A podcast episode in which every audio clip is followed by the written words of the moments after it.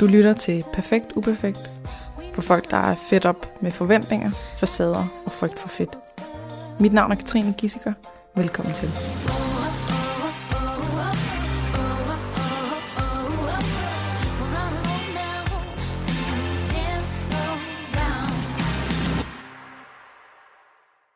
Den her episode den er sponsoreret af Volt. Volt det er en øh, leveringstjeneste, der indtil videre har gjort sig i at levere takeaway, men nu har de udvidet konceptet, så de også kan levere dagligvarer og alt muligt andet i øvrigt, som blomster og sportstøj og solbriller og sexlegetøj, alt muligt forskelligt.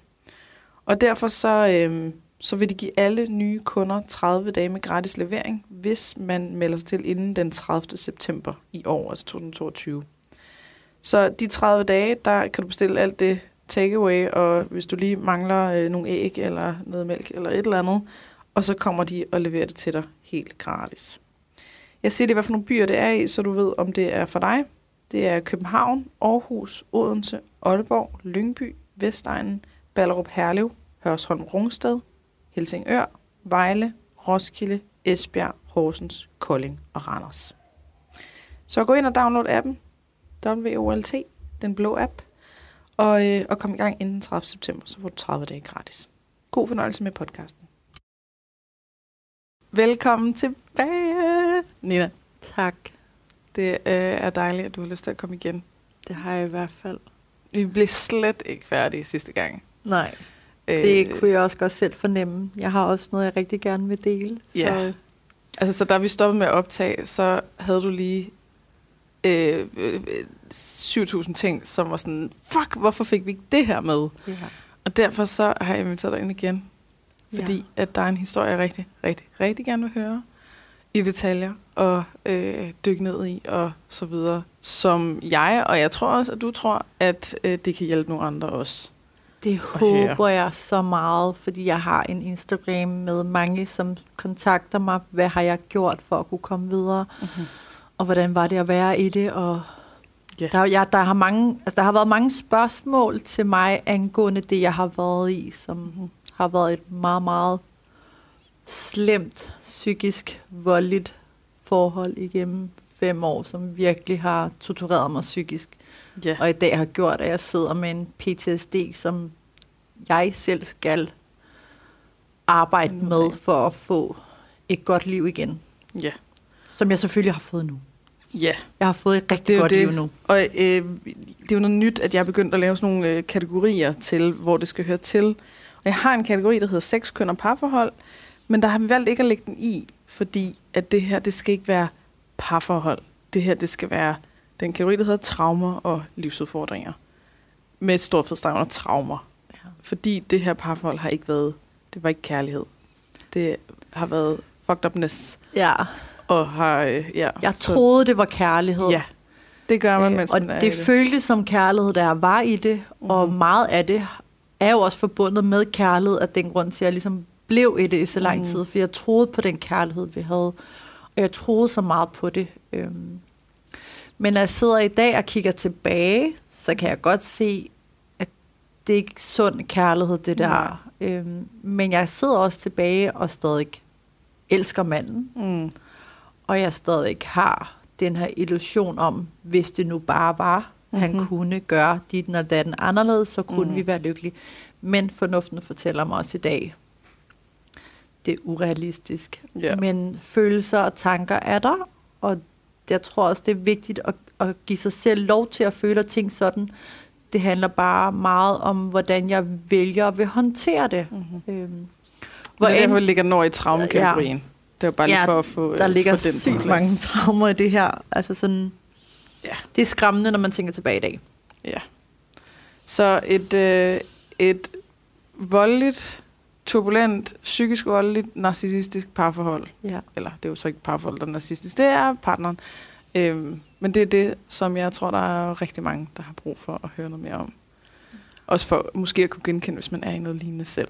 Ja, det er super vigtigt for mig at kunne komme med min historie, og den kan gøre noget bare for en enkelt eller to. Mm-hmm. Det vil være super lækkert. Øhm, også fordi da jeg selv sad i det, der opsøgte jeg enormt meget øh, viden omkring det her. Mm-hmm. Øh, YouTube-videoer, selvhjælpsbøger om parforhold, om alt det Jeg søgte så meget viden. Jeg tror også i og med, at jeg søgte så meget viden omkring, hvad det jeg er i, fordi man, det virker så uvirkeligt, mm. og man har ikke lyst til, at det skal være en, der er endt i det forhold, som jeg nu var endt i. Øh, men til sidst så gik det op for mig, at det her, det, det var det. Det var, jeg er en pige, der er blevet udsat for ekstrem grov psykisk vold. Mm-hmm. Og det er rigtig hårdt at sige, ja. men jeg er en af de kvinder, der har været udsat for noget i fem år, som har gjort, at mit liv aldrig vil blive det samme igen. Mm. Men jeg vil også gerne sige, at nogle gange så er livet bare en gave i en grim indpakning, fordi det har også lært mig vanvittigt meget, fordi mm. det sted, jeg står i dag, og det sted, hvor jeg står nu, er jeg så dybt taknemmelig for. Altså, mm. altså virkelig. Jeg har ikke været så glad, som jeg er lige nu. Altså, Nå. jeg kan ikke mindes den lykkefølelse og fred i min krop. Altså, der er ikke uro, der er ikke ubehag, der er ikke kærestesorg, der er ikke bekymringer, der er ikke sådan en magt ind i mig selv. Hvad skal jeg, hvad skal jeg ikke? Og, og jeg vil så gerne, jeg vil ikke, og vil ham, og vil ham ikke, og hvad gør jeg, og hvad kan jeg gøre? Ikke? Og man hele tiden prøver at ændre sig selv for at kunne gøre det, der skal til, for at det lykkes. Mm-hmm. Men, Tilpasse Ja, og jeg tror, at du har tusind brækker, og inden du vælger at gå for sådan en mand her, så skal du have lagt de tusind brækker. Mm-hmm. Du går ikke før den dag, at du ved, posen er tom for mm. forsøg. Ja. Der er ikke mere at gøre. Nej. Du har ikke flere skud i bussen. Altså, der er virkelig... Nej. Og det er også det, som mange måske skal forstå i dag, når man henvender sig til en. Hvorfor går du ikke bare?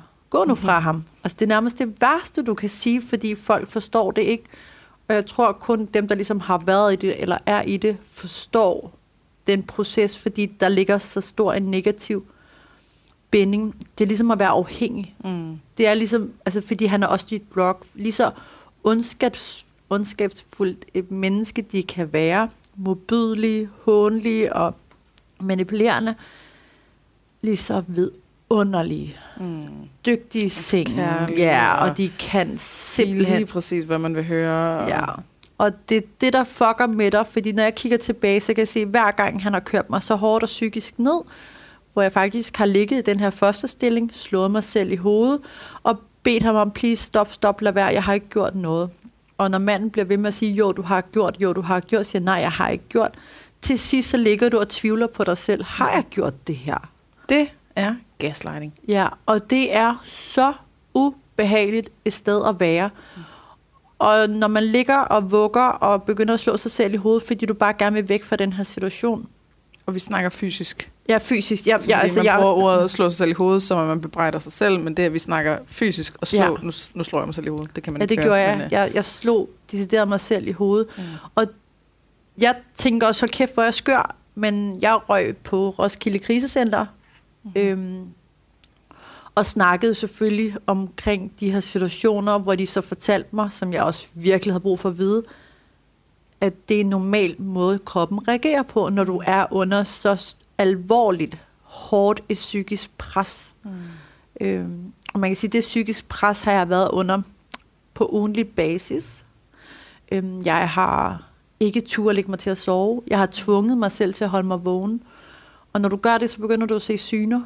Mm-hmm. Og det er rigtig, rigtig ubehageligt. Og jeg har jo måttet spørge ham, kan jeg få lov til at lægge mig til at sove, uden der sker noget? Altså sådan virkelig, er det okay? Altså lover du mig, at du ikke... Sove? Ja, kan jeg godt lægge mig til at sove i fred og ro? Altså sådan... Og det er jo mega uhyggeligt, at man i sit eget hjem skal sørge for, at man kan få lov til at sove i fred og ro. Øhm, angsten for, om han lige pludselig kommer ind, og han har tjekket din telefon, og du skal stå til ansvar for et eller andet, han misforstår eller mistolker. Mm fordrejer eller skaber en helt anden konklusion ud af noget, som det i virkeligheden slet ikke er, og så du bliver afhørt. Altså jeg blev mm-hmm. decideret afhørt. Øhm, rigtig ubehageligt, og man, jeg er blevet vækket af at blive kastet en pude i hovedet. Mm. Ubehagelig måde at vågne på. øhm, og han har taget mine trusser og slasket dem i hovedet på mig, og taget dem for min vasketøjskur, eller for vores vasketøjskur. gemt dem væk og sagt, at man sendte dem til undersøgelse. Og, altså, Ja. Så alt sammen noget, der handler om jalousi. Ja, ekstremt meget jalousi. Han var jo sikker på, at jeg bollede med rigtig mange forskellige mænd. Mm-hmm. Selvom, jeg, selvom det faktisk var ham. I den tid, jeg har været sammen med ham på de fem år, hvor vi har været on and off, der har jeg i hvert fald fundet 10 piger, han har været sammen med. Mm-hmm. Og jeg sidder tilbage, jeg har ikke været sammen med nogen andre, ikke? I Som, de fem år? Nej, der har kun været ham. Og stadig den dag i dag har jeg faktisk ikke været noget som helst. Jeg har ikke været sammen med en anden mand. Det har udløst... Siden ham? Siden ham. Jeg har ikke datet, jeg har ikke snakket, jeg har ikke flyttet, jeg har ikke noget med nogen mænd. Jeg har virkelig haft den der nej tak. Og hvor lang tid er det? At... Det er cirka, det er snart to år siden. Til oktober er det to år siden, jeg gik fra okay. ham.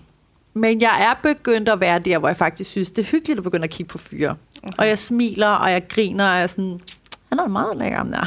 Mm-hmm. så det er et rart sted at komme hen, men jeg har også haft brug for den her healingsproces. Altså jeg har virkelig haft brug for at bevise over for mig selv, et, jeg kan klare mig selv, jeg kan hele, altså det gjorde ondt på mig, og jeg har ikke, at være sammen med en mand, når du har en anden mand i tankerne, det var bare ikke lige, Nej. det var måske ikke lige der, jeg var. Men jeg har også haft konsekvenserne af det forhold også været som en af de sådan, meget kraftige ting, som virkelig har hængt ved i lang tid. Jeg kan næsten ikke, det lyder måske lidt grænseoverskridende at sige, men jeg har ikke kunne vaske mig selv i tidskonen ordentligt. Mm. Jeg har næsten ikke kunne røre min tidskone. Jeg har, jeg har virkelig været... Jeg begyndte at blive ked af det, og jeg har ikke haft wax, og jeg har ikke, altså du ved, mm. jeg, jeg er groet til og lukket sammen, og hun fik bare lov til at få fred, for der var ikke nogen, der skulle røre mig. Nej. Øhm, så det har virkelig påvirket nogle, nogle ting i mig, hvor jeg også godt ved, at på et eller andet tidspunkt, så bliver jeg nødt til at tage hånd om det, øh, og snakke med nogen om det, mm. eller bearbejde det, men nu har jeg også bare, der er andre ting, der skal bearbejdes først, fordi jeg er ikke der, hvor jeg skal ud og have en ny sexpartner. Nej. Jeg har det ganske fint med at være alene nu. Mm. Og det er også det, jeg skal lære, at virkelig at være på egne ben, og betale mine regninger selv, mm-hmm. selv stå for min husleje, selv handle ind. Voksenleje. Ja, lige præcis. Mm. Jeg skal ikke være afhængig af noget eller nogen, der skal... Jeg skal ikke have nogen puder at lande på. Jeg skal klare mig selv, og det har jeg virkelig bevist, at det kan jeg nu. Jeg rykker bare lidt din mikrofon en lille smule op. Sådan der. Ja, så nu, vi, nu er vi sådan startet bagfra så skal vi prøve at starte forfra. Ja. Øh, altså, kan, kan du prøve at tage os tilbage til sådan, hvordan mødte du ham? Øh, hvordan var tingene i starten? Øh, hvornår begyndte det for første gang at være noget, der, der pressede dine grænser? Eller noget, du sådan tænkte, ah, oh, okay, hvad sker der lige her? Ja.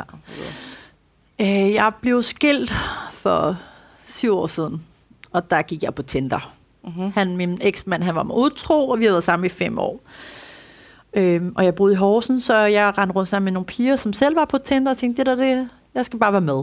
Mm. Altså, øh, fandt hurtigt ud af, at jeg måske ikke lige var så meget til Tinder. Jeg ville egentlig bare gerne have en omgangskreds. Jeg ville bare gerne have et nyt liv. Mm. Øhm, jeg kommer på en anden app, hvor det både er drenge og piger. Øhm, og der stod jeg ind i ham her.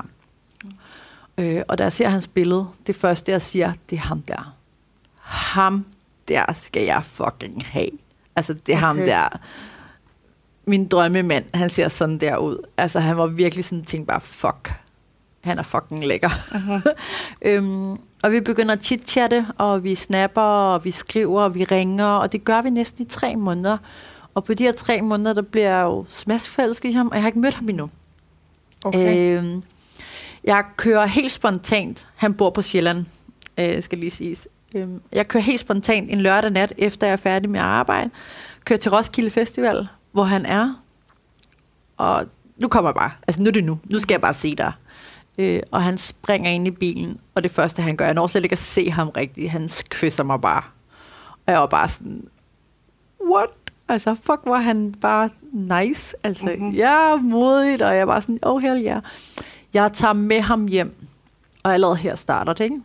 tror, altså når jeg kigger tilbage, jeg hjemmefra havde pakket nogle pyjamasbukser, mm-hmm. og taget dem på, for ligesom at signalere, at vi skulle ikke have sex første aften. Okay. Øhm, vi kysser, og vi kysser, og han er meget all over mig. Altså, han vil rigtig gerne. Og jeg prøver sådan at vende ryggen til, og sådan, ej, stop nu. Til sidst overgiver mig, mm. øhm, og gør det. Og følelsen, jeg havde efter, var, at det var ikke det, jeg ville, Nej. men jeg gjorde det. Så du følte dig presset? Ja, det gjorde jeg faktisk. Mm. Men jeg synes jo også, at manden var mega nice, men det var Mm. sådan lidt imod mine egne principper og regler for, Mm.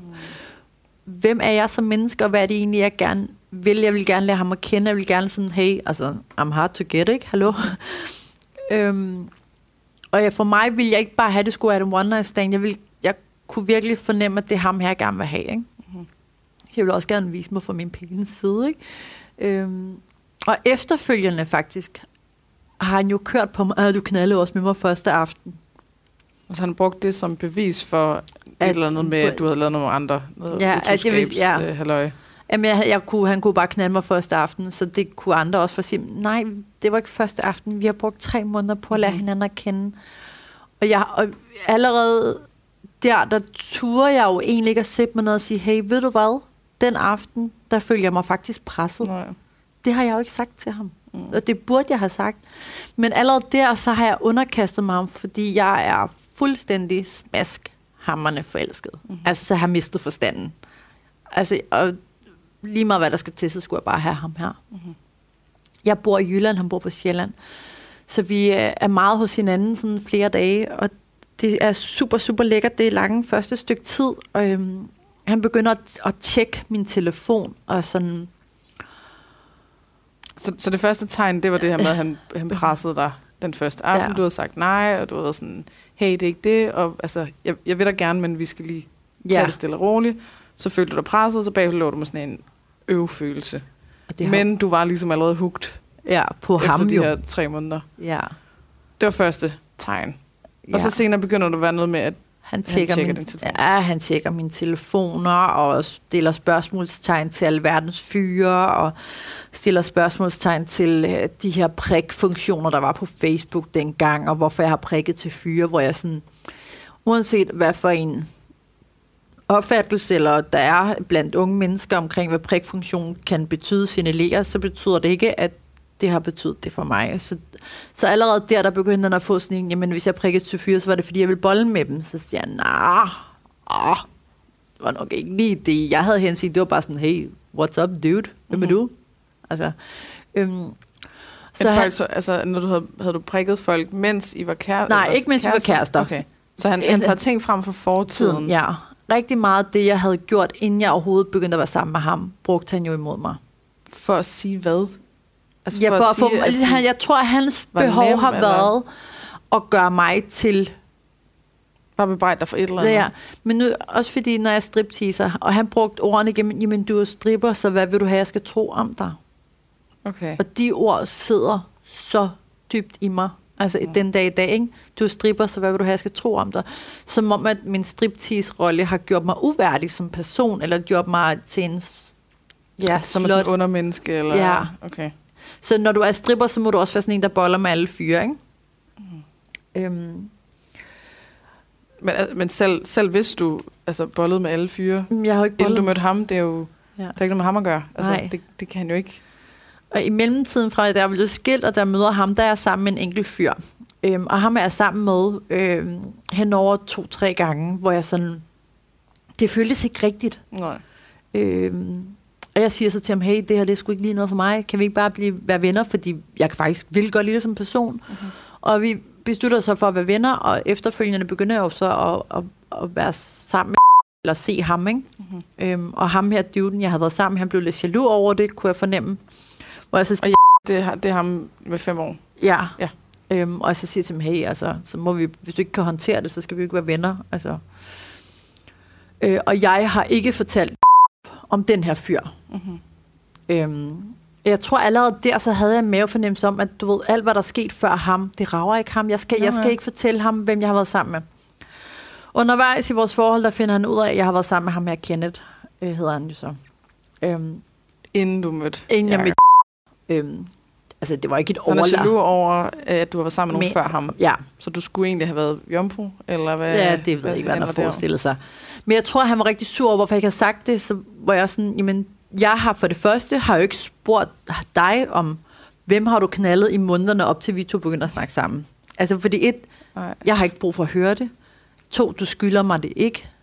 Og alt, hvad der er sket fra den dag før, vi to, vi begynder, er fuldstændig underordnet, og jeg, må have, jeg har min ret Mhm. til at have mit liv før ham for mig selv. Ja. Fra den dag, han er trædet ind i mit liv, og vi bliver kærester, ja, så skylder jeg dig ærlighed og troskab og bla bla bla. Mm-hmm. Men alt, hvad der skete før det, skal jeg ikke stå til ansvar for eller forklare mig. Øhm, men han tog det med som en, sådan en, du ved, prøv at se, jeg kan ikke stole på dig.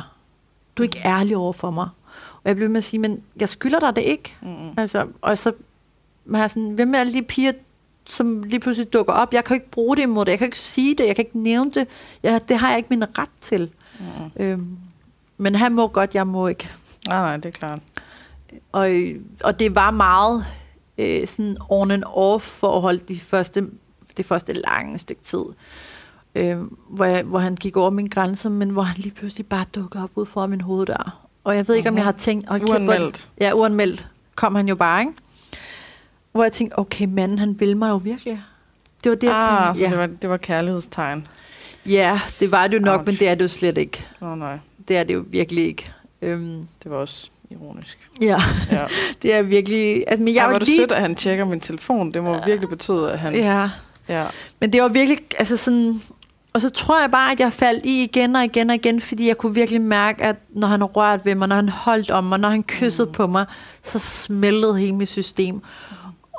Mm. Det vi var, når vi var sammen, var noget, jeg aldrig nogensinde i hele mit liv har oplevet før. Og kommer nok heller aldrig til at opleve den form for kærlighed i de øjeblikke, hvor det skete, kontra de øjeblikke, hvor det er fucket op. Øhm. Og det hele har været altså jeg bliver også nødt til måske at sige, at jeg tror på den udvikling, vores forhold har taget, fordi tingene bliver værre og værre og slemmere og slemmere, er også i takt med, at jeg finder ud af, at han har et coke-misbrug. Og det her Mhm. coke-misbrug, det tager til. Altså det tager rigtig meget til. Det tager så meget til, at han øh, går fra at være stabil medarbejder på sit arbejde og have en lederrolle, til at slaske rundt på arbejds, forskellige arbejdspladser, og ikke rigtig være stabil og ikke vil møde op. Og jeg var hans omvandrende vægur hver morgen. Øhm, jeg ender med at flytte fra Jylland til Sjælland og flytte hjem til ham. Mm-hmm. Øhm, og jeg kunne bare godt begynde at se en udvikling i hans coke-misbrug, hvor jeg kan se en kontrast fra, når han tager, og når han ikke tager. Okay. Er han en anden person? Eller? Ja, han blev Mm. nemlig en anden person. Han blev meget sådan skizofren. Han, blev, han så ting, der ikke var der, oplevede ting, der ikke var der. Altså, han blev, han blev rigtig ubehagelig. Han begyndte at, han fik sådan en eller anden ting med, at han bare skulle undersøge alt. Han begyndte at gå i skuffer og computer og min telefon og undersøge mine trusser og sådan noget. Ikke? Mm-hmm. Jeg havde en, en lang periode, gik jeg og nærmest tørrede mig selv i tidskonen, selvom jeg ikke tissede for at være sikker på, at jeg ikke havde udflået mine trusser. Og udflået ville være sperm? Bærm for ham. Eller hvad sagde du? Ja, udflået, altså... Og Så ville det være sperm, ja, eller... Ja eller hvad? for ham, han troede, det var sperm for en anden mand, Okay. hvis jeg havde, havde udflået mine trusser. Og det er det, han så ville sende det til laboratoriet Så, for ja. at tjekke, om det var sperm eller udflået? Ja, Wow. ja. Jeg har fundet en pose med mine trusser i hans skuffer. Med mine brugte, Brugte trusser. trusser i en skuffe af hans i en pose. Det er Hold da kæft. så Så han går i skuffer, han går i telefon, han går i computer, han går, går i i- trusser. Han går pornofilm igennem, Aha. Og fordi han er sikker på, at jeg også har lavet porno, så han begynder at undersøge alle mulige pornofilm, og siger, at piger ligner mig. Bare sådan, jeg har jo ikke sådan en tatovering, eller jeg har tatovering der, det har hun jo ikke. Men det, han, han blev meget sådan besat af at skulle finde noget på mig. Han var meget, han skulle finde noget på mig. Men når jeg kigger tilbage, så tror jeg lidt, han har behov for at finde noget på mig for at skygge for sig selv. Mm. Fordi jeg har jo virkelig fundet mange piger, han har knaldet med, som for hver gang vi har været væk fra hinanden, måske en uge, hvor vi har været uvenner, og vi finder sammen igen. Det var sådan et mønster. Øh, så han var sikker på, at jeg havde bollet med en anden mand i, i mellemtiden. Men hver Det gang ham, var det ham, andre. ja, hver gang var det ham, der var sammen med andre. Mm-hmm. Øh, men det fandt jeg ikke ud af det første lange stykke tid, jo. Mm. Øhm, Han, han var sådan sygelig jaloux meget. og kontrollerende. meget kontrollerende. Han havde øh, lokalitet på mig 24-7. Han havde adgang til... Altså en GPS øh, Ja, der, på din telefon, så kan du slå lokalitet til. 24-7. Sådan, så han kan se, hvor du er. Ja. Jeg havde det første lange stykke tid, efter vi gik fra hinanden, der havde jeg sådan en ting, hvis jeg kørte forkert, så reagerede min krop alvorligt på det, fordi hvis jeg var bange for at blive opdaget i, at, eller at blive mistroet. ja, til, for eksempel, hvis at jeg, hvis jeg kører forkert, så tror, Tror du, at jeg har været hos nogen. Ja, og det var det, han troede, fordi hvis jeg var kørt forkert, eller lang tid den periode, var sammen med ham, der pressede mig så meget psykisk, så det der med, øh, og jeg ligger og kører rigtig meget på, på landevejene, når jeg Mm. arbejder. Så hvis jeg for eksempel lige får drejet af på en afkørsel, jeg skal længere ned og dreje tilbage, eller et eller andet, så betød det, at jeg havde sat den anden mand af, eller jeg var på en resteplads og sutte en pik, eller... Altså hele tiden skulle jeg forsvare, at, at det ikke havde noget med en anden mand at gøre. Øh, Så den der angst for at køre forkert, den har sådan siddet i kroppen på mig i virkelig lang tid efter, ikke? Øh, også sådan en følelse af at hele tiden at blive overvåget, eller også Ej, med, hvem jeg har skrevet med, og hvad jeg har skrevet, har været meget sådan... Altså for eksempel også noget som at slette beskeder. Jeg får rigtig mange beskeder i min indbakke, og øhm, så er der nogle gange, hvor jeg ikke lige har overskud til at åbne dem. Mm-hmm. Og i og med, at jeg måske har lavet mit eget system i, at de beskeder, der er åbne, er svaret på, dem sletter jeg. Og når jeg gør det tilstrækkeligt langt nok nedad, til sidst, så ender det med, at alle de uåbnede beskeder, de ligger samlet i toppen. Mm-hmm. Og det var et system, jeg kunne forholde mig til, for ellers så gik uåbnede beskeder måske sådan ret nemt i glemmebogen. Mm-hmm. Jeg sletter ikke beskeder den dag i dag. Jeg tør næsten ikke engang at slette beskeder i dag. Altså jeg, jeg kan mærke, hver gang jeg sletter en besked, så får jeg sådan en... Du er bange for at slette dem? Ja, Okay. Jeg blev nærmest straffet, hvis jeg slettede beskeder. Så jeg turde ikke at slette beskeder. Han var meget sådan, så det fordi, jeg skjuler noget. Okay, så hvis han havde set en besked, Ja. og så han efterfølgende kigget igen, og den så ikke var der, Ja, så må det være en samtale, du havde haft, hvor du havde aftalt noget med nogen, eller havde Ja. skrevet, du ville have andre, eller et eller andet, han så han havde i hvert fald en mistanke om, at jeg skjulte noget. Mhm. Han var overbevist om, at jeg holdt ting skjult for ham. Men jeg spørger sådan, hvad er det, jeg skal skjule? Altså, jeg er her 24-7, og jeg er hjemme, jeg passer mit arbejde, jeg kommer hjem, jeg handler ind, jeg vasker det tøj, jeg gør rent. Altså, jeg var virkelig housewife number Mhm. one. Altså, også hver gang, når hans søn kom, var der handlet ind og fyldt op og skrevet til ham, hvad har du lyst til at spise i weekenden? Og, Mm. altså, der var bare styr på alt i det hjem. Altså, det var sådan, at han kunne få lov til at ligge og fede sig efter, og jeg selv ordner opvasken. Altså, jeg prøvede virkelig at blive en pleaser, Mm. og det var også forkert. Ja. Jeg ville gerne gøre sådan Det var nogle fordi, ting. man, man tænker det rationelt, at sådan, Nå, men, men hvis jeg nu er hele tiden, eller hvis jeg nu viser, eller hvis jeg nu gør, eller et eller andet, så bliver han overbevist Viser. om, at jeg ikke gør noget. Så Ja. beviser jeg for ham, at jeg, jeg jeg er god nok. ikke sammen med andre, jeg har Ja. ikke gjort noget forkert, og så videre. Ja, så Som i sig selv er jo sådan, det burde slet ikke Ja. være noget, du skulle have. Nej, jeg havde slet ikke noget socialt liv. Nej. Slet ikke noget socialt liv. Jeg var meget indlukket, indespærret. Det var som om til sidst, så blev jeg sådan en tækkende bombe i mig selv, og sådan, nu skal jeg bare, altså, jeg kan ikke kunne at være herinde mere. Mm. Altså, jeg har så tit stået foran spejlet, været fuldstændig hulket færdig, Mm. og sagt, jeg skal væk herfra. Jeg skal væk herfra. Okay. Jeg skal væk herfra. Øhm. Men så igen, når manden han kommer og holder om en og trøster en og siger undskyld, han kunne godt se, at det var ham, der var forkert på den, så mm. glemmer man det. Ja. Det er ligesom at tage Det er drug. manipulation. Ja, Så han kunne Og- mærke, hvis du var på vej væk, og så skulle han lige uh, give dig lidt ja, af sit drug. Ja. Ja. Og så blev du. ja, selvfølgelig. Mm. Men jeg vil sige, det sidste år, hvor... Altså, jeg har mange ar på kroppen efter ham. Fysiske. Har fysiske ar på Mm. kroppen. Øh, på fødderne, og jeg har også i ansigtet, ikke? Altså, øhm, at brække en stor tog, fordi han har holdt fast i mig. Jeg har prøvet sådan at ville fri fra ham, ikke? Så jeg har jo kommet til at knalde min store tog ind i en, en, en puff, så min store tog, den brækker, og det gjorde sindssygt ondt. Øhm, og kastet ting efter mig. Jeg har fået glasgård i fødderne, og, øh, og en af de sådan meget, meget slemme gange, der havde han været til koncert, taget coke, kommet hjem, jeg lå og sov. Jeg havde sågar kørt ham til og fra koncerten, kørt ham videre til fest, kørt hjem og sove, kørt tilbage med cigaretter til ham, han havde glemt i bilen. Mhm. Øh, kommer han hjem og er overbevist om, at der er en mand, der har været gået igennem naboens hæk og hoppet ind af vinduet og bollet mig, mens han har været til koncert. Okay. Øhm, og jeg bliver enormt utryg, for jeg ved jo godt, når han har taget coke, at... Øh, Så er han ikke sig selv. så, nej, så er han ikke sig selv. Så jeg vil gerne væk derfra. Og i og med, at jeg gerne vil væk derfra, så bekræfter det ham i, at så må det jo være, fordi jeg skjuler noget. Mm. Og jeg øh, prøver at kontakte den ven, han var afsted med.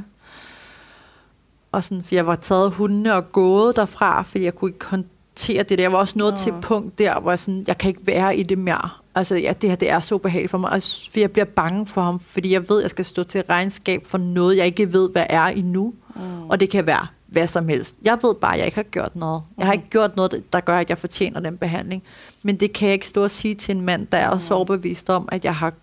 Nej, nej, for han er slet ikke... Du han er slet ikke i den her verden. det Nej. er- Øhm, jeg kan ikke få fat i nogen, og klokken er fem om morgenen, og jeg øh, prøver sådan lidt at seriøst, jeg har ikke gjort noget. Må jeg godt bare, jeg skal nok ligge og sove på sofaen. Jeg er ked af, at du tror sådan om mig. Men jeg har ikke gjort det, så skal jeg nok pakke mine ting i morgen og smut. Mm. Øhm, og i, jeg kommer ind, sætter mig på hook, så får jeg smasket en lysdag i hovedet, så min næse den flækker, og så er åben, altså den er åben, øh, og får øh, mange ni sting på næsen, får jeg. Og altså, den er åben. Og, Altså, han har, han har taget en lyse, altså sådan en metal nej, det var faktisk en glas, altså meget, meget tung lysestage. Det var meget, meget tung og meget, meget... Og smadrede den lige ansigtet på dig på Ja. næsen. Altså, han har ikke taget den, sådan at han, han har ramt mig med den med hånden. Han har taget den fra afstand og kastet den i hovedet på mig. Okay. Og så rammer den din Ja. næse. Ja, og min øjenbryn. Og den flækker. Ja, Og og, og min, min, heroppe i tændingen. Øhm, og de siger, at det er altså minimal kraniebrud, jeg har. Mm-hmm. Øh, de var sådan lidt i tvivl om, men der var åben ind til kraniet. Så kranie, minimal kraniebrud, Ja. ja. øh, flækket Flækket øjen- øjenbryn og, f- og, Og, og flækket 17 sting i næse. ansigtet. Jeg fik 17 sting i Ja, ansigtet. Jo, øh, og han tager jo med på sygehuset. Men inden alt det her, sådan, da jeg får den der lysestage i hovedet, der råber jeg, Mhm. Og så ved jeg ikke, om han kan høre på mig, at fuck, den er ikke god, den der. Han tager og slæber mig ud. Altså efter han har kastet Ja. Og da jeg kan bare se, at der er smasket blod op ad væggen. Og at det og løber, altså det er ikke bare sådan, at det løber med blod ned. Men jeg får også blod i halsen, det vil sige Nå, altså fra næsen af. af, Åh. ind og ned. Og han får slæbt mig ud i bruseren, og så siger jeg bare, at jeg er fuldstændig ligeglad med, hvad fuck der er sket nu. Du sørger for, at jeg kommer på sygehuset, og det gør du med det samme. Jeg, du, Åh, altså, det er overskudsagtigt at stå der midt i ja, bare, jeg er ligeglad med, ham til Ja, ligesom du skal bare sørge for, at jeg kommer på sygehuset nu. Og så snakker vi ikke mere om det. Han gik i panik og begynder sådan... Og sådan hvor jeg siger, nu... Altså, du tager dig sammen. Mhm. Han tager en bruse, fordi jeg er også fyldt med blod hele hovedet, og begynder at skylle mit ansigt over, og faktisk holder mit ansigt sådan fast under bruseren. Men fordi jeg får så meget blod ned i halsen, så har jeg ikke nogen steder, jeg kan trække vejret jo. Ej. Og lige det øjeblik, der, der, der kan jeg godt mærke, at så går jeg i panik. Altså, jeg var, jeg var klar til bare at løbe, altså, og bare løbe væk. Hvis du Bare- kvalt. Ja, det var så behageligt. Vi, han forstår så åbenbart, at jeg kan ikke... Altså, jeg siger, der blod ned i munden. Øhm, vi kommer på skadestuen, og de tager røntgen, og min næse er knust i over syv stykker. Øh, jeg kunne så valgt at få den opereret på stedet, altså de kunne gøre noget ved den der. Men det vælger jeg så i så... syv stykker. Ja, den er knust i syv stykker.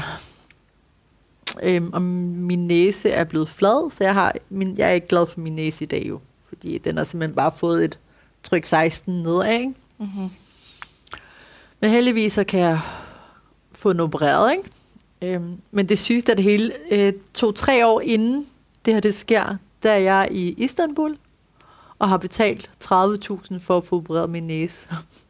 Nej. Ja, altså bare sådan... Ja, men det øjeblik, det sker, der var jeg godt klar over, jeg skal væk herfra. Men jeg bor under hans tag. Jeg bor på samme adresse som ham. Mm-hmm. Øh, og alle de ting, der bare sker, det er bare sådan, jeg skal væk herfra. I og med, at jeg har ADHD, og jeg ikke kunne kommunikere med folk, jeg kunne ikke snakke med nogen, jeg havde ikke familie, jeg havde ikke mor, far eller søster, jeg kunne gå til. eller en Hele dit sociale liv var, var væk. væk. Jeg havde Ja. intet, jeg havde absolut ingen. Øhm, taktisk klog som jeg er, så går jeg på kommunen, og jeg ved jo godt, jeg har ADHD, så jeg tænkte, det her, det kan muligvis være en vej ud herfra, hvis jeg går. Okay. på kommunen og beder om støtte til min ADHD. Det vil sige, så har jeg ret til at få en støttekontaktperson. Okay. Ja. Så jeg går på kommunen, lægger kortene på bordet, siger, jeg bor hos den her mand her. Jeg skal have hjælp, og jeg skal væk derfra. Mm-hmm. Der er nogle ting, der skal styre på, praktiske ting.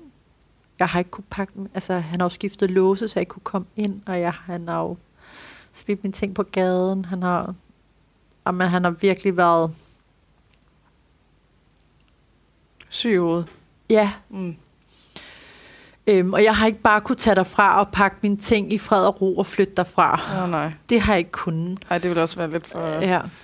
Det jeg så gør, Mærkeligt. det er, at jeg får den her støttekontaktperson, og vi snakker meget om, okay, hvad jeg skal, et, vi skal finde et sted at bo, to, jeg skal styre på min økonomi, jeg skal finde ud af, hvor kan jeg bo hen, hvordan kan jeg få flyttet mine ting. Og det tager faktisk et, næsten et år fra, det, fra den dag, jeg går på kommunen, til jeg faktisk kommer ud derfra. Øhm. I mellemtiden har han fået fodlænke på. Og i den mellemtid oplever jeg en mand, der ikke tager stoffer. Okay. Så jeg ser en mand fra hans gode side Mm. i de her to Fodlænke på grund af hvad? vold. Okay. Ja. Mod dig eller mod Nej, andre? mod en anden. mod en anden. Han er sådan en, der dytter folk i trafikken. Og, altså, Okay. okay. selvom hans søn sidder i bilen, så sidder han og råber og skriger alle andre mennesker. Ikke? Altså, han har slet ikke, Men der skal noget til, han, man han har ikke nogen kon- konsekvensberegning på. Nej. Altså, før det, der har han også blevet straffet, men der har han bare fået samfundstjeneste. Ikke? Så nu fik han fodlænke, og næste gang skryger han jo ind og sidde. Okay. Men han, han overfaldet nogen? Eller? Ja, det har han jo sådan set. Han har også overfaldet i byen. Også mig og ham har været på at slå sammen i byen. Mm-hmm. Og jeg tænker bare specifikt i forhold til den der fodlænke. Ja. Men det, Så det er noget, der skal gennem systemet. Ja, ja, lige præcis. Altså. Øh, men det var jo hans egen ting. Altså, der, han havde, han havde ikke en eller anden mand, en, En skalle, ja, Mm. Et raserianfald i trafikken, ikke? Det var i trafikken. Ja, så dumt. Altså. Altså, hvor han er gået ud af bilen, Bilen, ja. og så gået hen og åbnet bilen, og så nikket en skalle. Ja, jeg eller? tror også, den modsatte person havde vist også gået ud af bilen, så de har frontet hinanden, og så nikker man skalle. ja, Som man jo gør, når man er ja når man er lidt sur, men ja, er det gør øh, man. Det er sådan en ting, man gør. Kutyme. Ja. Øhm, Okay.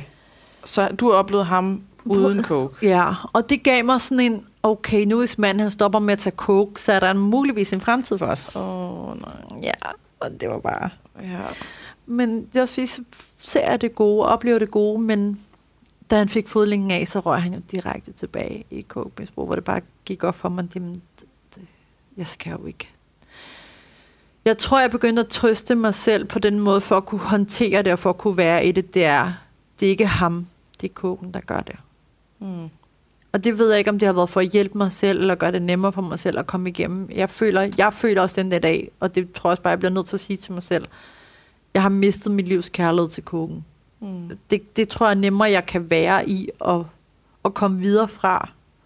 Øhm, så om det er forkert eller rigtigt at sige til mig selv, men så kan jeg bare mærke, at det gør en forskel på mig, Mm-hmm. at jeg sådan kan plaster det ind i, at det er kokainen, der har fucket ham op og ødelagt det, vi havde eller kunne have. Men var han på kokain allerede til at starte med? Altså, Ja. dengang I mødte? Ja, det gjorde han jo. Og det Mm. vildeste af det hele, jeg sagde faktisk til ham, jeg skal ikke, jeg vil ikke have en kæreste, der tager stoffer. Mm-hmm. Det gjorde han absolut heller ikke. Nej. Det er klart. Ja. Hvordan fandt du ud af, at han gjorde det? Altså, jeg har selv været kokmisbruger, ikke? Mm-hmm. Det har jeg Så selv været taget coke i ham, 11, eller sådan? i 11 år, og been there, done that. Jeg ved, hvad det lugter af. Jeg ved, hvordan du ser ud. Jeg ved fingrene. Jeg ved læberne, mundene, øjnene. Altså, jeg er tissemanden. Altså, du, jeg Mhm. kender det hele. Og jeg havde lavet sådan en, en regel for mig selv, for at jeg overhovedet kunne sige, at han havde taget coke, så var der sådan en liste af ting, jeg skulle strege af. Krømpediller, du ved, kriblerne i fingrene, du ved, uro i fødderne. Sådan, han havde en ting, han blev ved med at sige, hver gang han havde taget coke. Altså, du ved, de samme ting, han sagde hver gang, ikke? Mm-hmm. Øhm. Altså nogle bestemte sætninger? Ja, lige eller? præcis. Okay. Øhm, Og så gjorde du noget med munden før? Ja, men sådan, du, øh, ved, han, du ved, bevæger munden på en bestemt måde, og så hans øjne. Og så havde jeg sådan en idé om, at så hvis jeg kyssede ham, så kunne jeg snuse. Altså jeg kunne Mhm. lugte. Så man kan lugte om nogen af Ja. Og jeg havde Ej, også, ved jeg forfærdeligt lidt om det. Eller? og det fandt han også ud af, at det var det, så jeg, jeg kunne også godt mærke på, når han ikke gad at kysse mig, så kunne jeg godt regne ud, det var nok, fordi han havde taget. Øhm, og så fandt jeg hans steder, hvor han tog det, og så rengjorde jeg det. Så kunne jeg se, hvornår han så havde taget igen jo. Mhm. For Du eksempel kunne simpelthen se, at der var Der nogle var rester. rester. Ja, og så rengør jeg det rigtig meget, lad det ligge, Lad som om jeg ikke har set det. Mhm. Og så kan jeg så gå ud og se igen, hvornår der ligesom er lidt hvidt, ikke? Mhm. Okay. Så det var sådan, til sidst så var det sådan meget et projekt for mig, sådan, okay, jeg skal holde styr på, når han har taget, og når han ikke har taget, fordi når han har taget, så, så skal jeg på en eller anden mærkelig måde øh, bevæge mig et andet Så sted hen. du passe på. Ja, Og eller jeg over, skal du være... og- Ja. Og jeg havde sådan meget, okay, når jeg vidste, han har taget, så var jeg meget sådan, jeg, jeg, jeg går i bad og vasker hår, eller jeg laver min negle, eller jeg laver mad, eller sådan, du ved, jeg skulle være aktiv med noget andet, okay. hvor jeg ligesom kunne abstrahere fra ham, og have, at han ikke kunne få min opmærksomhed agtigt, fordi i og med, at jeg måske ville have hans opmærksomhed, så kunne det godt eks, altså ekskulere, eller hvad hedder det? Jeg. Eskalere, ja. Mm. Øhm, og så havde jeg et studie, hvor jeg tit øvede i og dansede og gjorde mine ting i. Så jeg tager, jeg købte studiet, for eksempel. Mhm. Øhm, og jeg ringede tit til ham i frokostpausen, og sådan kunne jeg høre sådan på hans stemme, om han havde taget eller ikke havde taget. Ikke? Okay. Altså jeg var helt tiden sådan et skridt foran på at være op på, hvornår han havde gjort hvad, ikke? Eller hvornår han havde taget eller ikke havde taget, ikke? Mm-hmm. For ligesom at kunne forberede mig selv på det mentalt. For Så når han ikke ha- havde taget coach, coke. coach. når han ikke havde taget coach, Ja. øh, når han ikke havde taget coach, så, altså, så var der ikke, så var han aldrig Nej, voldelig, det var han eller ikke. Så var han jo- Eller... en vanvittig, intelligent, dygtig, aktiv, produktiv mand, hvor jeg bare tænkte, hvor er det, hvorfor kan vi ikke bare have det sådan her hele tiden? Altså han. Okay. det jeg kunne sammen for eksempel, det var, vi var enormt dygtige til håndværk sammen. Altså okay. til at få ting gjort, og vi var, vi forstod hinanden lynhurtigt. Altså vi havde bare hinandens rygge med det sammen, og vi kunne sådan Mm. hurtigt aflæse på hinanden, når der skulle gøres ting. Altså vi var bare sådan virkelig Bonnie and Clyde team til tider, men vi var også virkelig gode til at være arbejdsomme. Altså få Mm. ting op og, ko- og, og køre, ikke? Og jeg var meget sådan forretningsmindet. Jeg vil gerne have ting til at lykkes. Jeg vil gerne udvikle mig. Jeg vil gerne skabe. Og jeg vil gerne, du ved, bygge studier. Jeg vil gerne, du ved, Mm-hmm. produktiv øh, markedsføring og alt muligt. Og når han så var på, så var han ekstremt dygtig til at være Okay. på. Så det er ikke, altså, så ham uden coke er ikke narcissist. Nej, det synes jeg. Men ham på coke er er. meget Mhm. øh, utilregnelig, narcissistisk, øh, skizofren, ubehagelig, modbydelig, voldelig, aggressiv, Mm. øh, hvor den anden er Altså nærmest diametrale modsætninger. fuldstændig, Eller? jamen det her, og det var også det, jeg sagde, du, du er to personer, Mm-hmm. og de to personer, den ene elsker jeg, den anden hader jeg. Ja. Og jeg kan ikke, min krop kan ikke være med den her mere, fordi jeg kan mærke, at jeg, Det forstår en pris, at Ja. den anden også er der. ja, jeg Mm. mistede mig selv mere og mere og mere, og i og med, hans coke-misbrug blev forværret, blev hans, hans måde at behandle mig på også værre. Mm-hmm. Men jeg tror også, i og med, at jeg trak mig mere og mere, blev han også mere og mere sådan... Desperat. Ja. Eller, ja. og sådan, altså jeg, har, altså jeg har ligget på gulvet, og han har sparket mig i ryggen. Ikke? Altså, jeg har også i, i pressede situationer, for eksempel kastet en klasse bananer i hovedet på ham. Mm-hmm. altså sådan, stop. Altså nu stopper du. Altså lad mig nu være. Agtigt, ikke? Øhm, ja, der måtte løbe uden sko på, ikke? Altså, løbe ud af lejligheden. For at komme væk fra ja, ham. bare for at komme væk fra ham, ikke? Øhm, og jeg har ligget i første stilling, hvor han bare stod og grinede af mig, og altså min krop, den har også, jeg har haft de her fryse tendenser i kroppen, hvor jeg siger til ham, jeg, jeg ved ikke, at min krop gør noget, jeg forstår ikke, hvad det er, min krop gør, men jeg, jeg okay. kan ikke komme ud af den her situation. Og jeg fandt Altså ud af, sådan fysisk, at Øh, ja, freeze, ja, hvor du står stille ja, og ikke kan gøre, jeg kan ikke bevæge, bevæge mig. dig. Ja. Okay. Og det er jo også det, der har gjort, at jeg har fået PTSD i dag, fordi mm-hmm. min Mhm. krop har været under så vanvittigt pres. Mhm. Mm-hmm. Og jeg er blevet efterladt så mange gange i situationer, hvor han har kørt mig midt over. Altså okay. Psykisk. Altså Ja. efterladt hvor henne? Jeg efterlader mig, så har han skrevet, så har han kørt.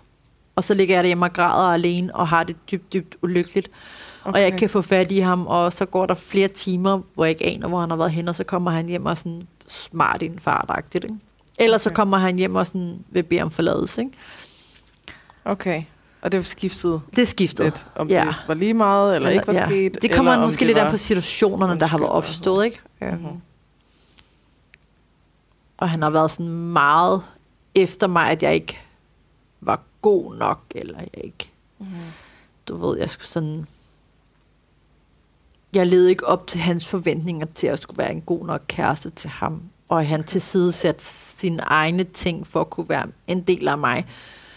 Øhm, og jeg kunne jo ikke se det, han sagde. Mm. Altså, jeg prøvede virkelig sådan, jamen, så lad mig gøre mit. Jeg, du skal kun gøre, hvad du har lyst til, når du har lyst til det, og tid til det. Så jeg prøvede sådan virkelig... Mm. Og ikke sådan, du ved, for ellers så kunne jeg godt, ej, skal vi ikke lave det? Ej, skal vi ikke tage det ud? Ej, skal vi ikke gøre det? Jeg ved godt, at jeg som pige, kvinde, har mange idéer og mange ting, jeg gerne vil have, have gjort. Jeg havde drømme, og det havde han ikke rigtigt. Så automatisk så fik jeg jo hævet ham med ind i mit, og ville alt muligt. Så ja, det handlede lidt om mig, men jeg kunne også se et team i mig og ham, mm-hmm. fremtidsmæssigt i den forretning, jeg har en drøm om at udvikle. Det var fordi, jeg tror, de klikker. Nå, ja. Nå min lange negle her. Ja. Øhm, Ja, okay, så jeg så så, der var... en fremtid, hvis Ja. vi kunne gøre det her. Og jeg tror ikke, at han har kunne se fremtiden, som jeg så den, hvor han har været meget... Altså, jeg bliver også bare hende, der hele tiden sådan, prøver at inspirere ham til at drømme, og du ved... Hele sådan at hive op Jeg bekom sådan- nu, og ej, er der ikke væk? og ja, ja, ja, og ja. træning, og mm, jeg prøvede alt, jeg overhovedet kunne. Og jeg ved også i dag, jeg har gjort alt, hvad jeg kunne. Ja. Så jeg er også gået derfra og sådan, jeg kan ikke gøre mere. Nej. Det har så også været en pris, der har været... Ja. Som Prisen har været høj. på, eller hvad man skal kalde det. Ja, altså jeg kan... Altså da jeg... Den dag, jeg får pakket mine ting hos ham, hvor han er på arbejde, er jeg sådan for lydskyden, er det ikke okay, jeg bare lige henter lidt, jeg skal bare lige hente lidt tøj. Og så gik det bare stærkt med to veninder og en flyttebil. Nu er det nu. Okay, okay. Og det skulle gå stærkt. For jeg vidste jo godt, hvis han kom hjem og så, at jeg var i gang med at pakke alle mine ting, så ville han jo reagere. Og det gjorde han jo også, da han så, at jeg var væk med mine ting. Ikke? Øhm, men jeg kunne godt mærke, at nu er det nu. Nu er chancen derfor, at jeg kan komme væk. Ikke? Og hvad, altså, var det så, skulle du så ind på krisecentret der? Nej, eller? jeg flytter ud i mit fotostudie, jeg har, så bor jeg derude, og jeg kontakter jo så krisecentret også. Okay. Øhm, og finder, altså selvom du, uanset hvad, så er der altid hjælp at hente hos et krisecenter. Mm-hmm. Så du bliver ikke høs og skal være hjemløs for at komme ind på krisecenter eller Nej. flygte hjemmefra, fordi de kan også godt hjælpe dig væk derfra, og de kan også godt hjælpe dig, selvom du har en lejlighed, og han stadig opsøger dig, og du bor et sted, så er der stadig hjælp at hente på et De skal nok krisecenter. gøre noget. Ja. Ja. Og det tror jeg også er rigtig vigtigt, for der er rigtig mange, der tror, man kun kan få hjælpen på krisecentret, hvis man bor der. Okay. Øhm, og der er rigtig meget hjælp at hente, selvom du bor på et krisecenter. okay. Øhm, og den De kan hjælp, godt hjælpe ambulant, eller hvad Ja. det hedder, de ligesom... de råd giver dig rigtig Gør. meget, for jeg stod i en situation, om jeg skulle melde den her mand til politiet. Mm-hmm. Øhm, fordi han blev ved med sådan at opsøge mig, og jeg kunne ikke sådan...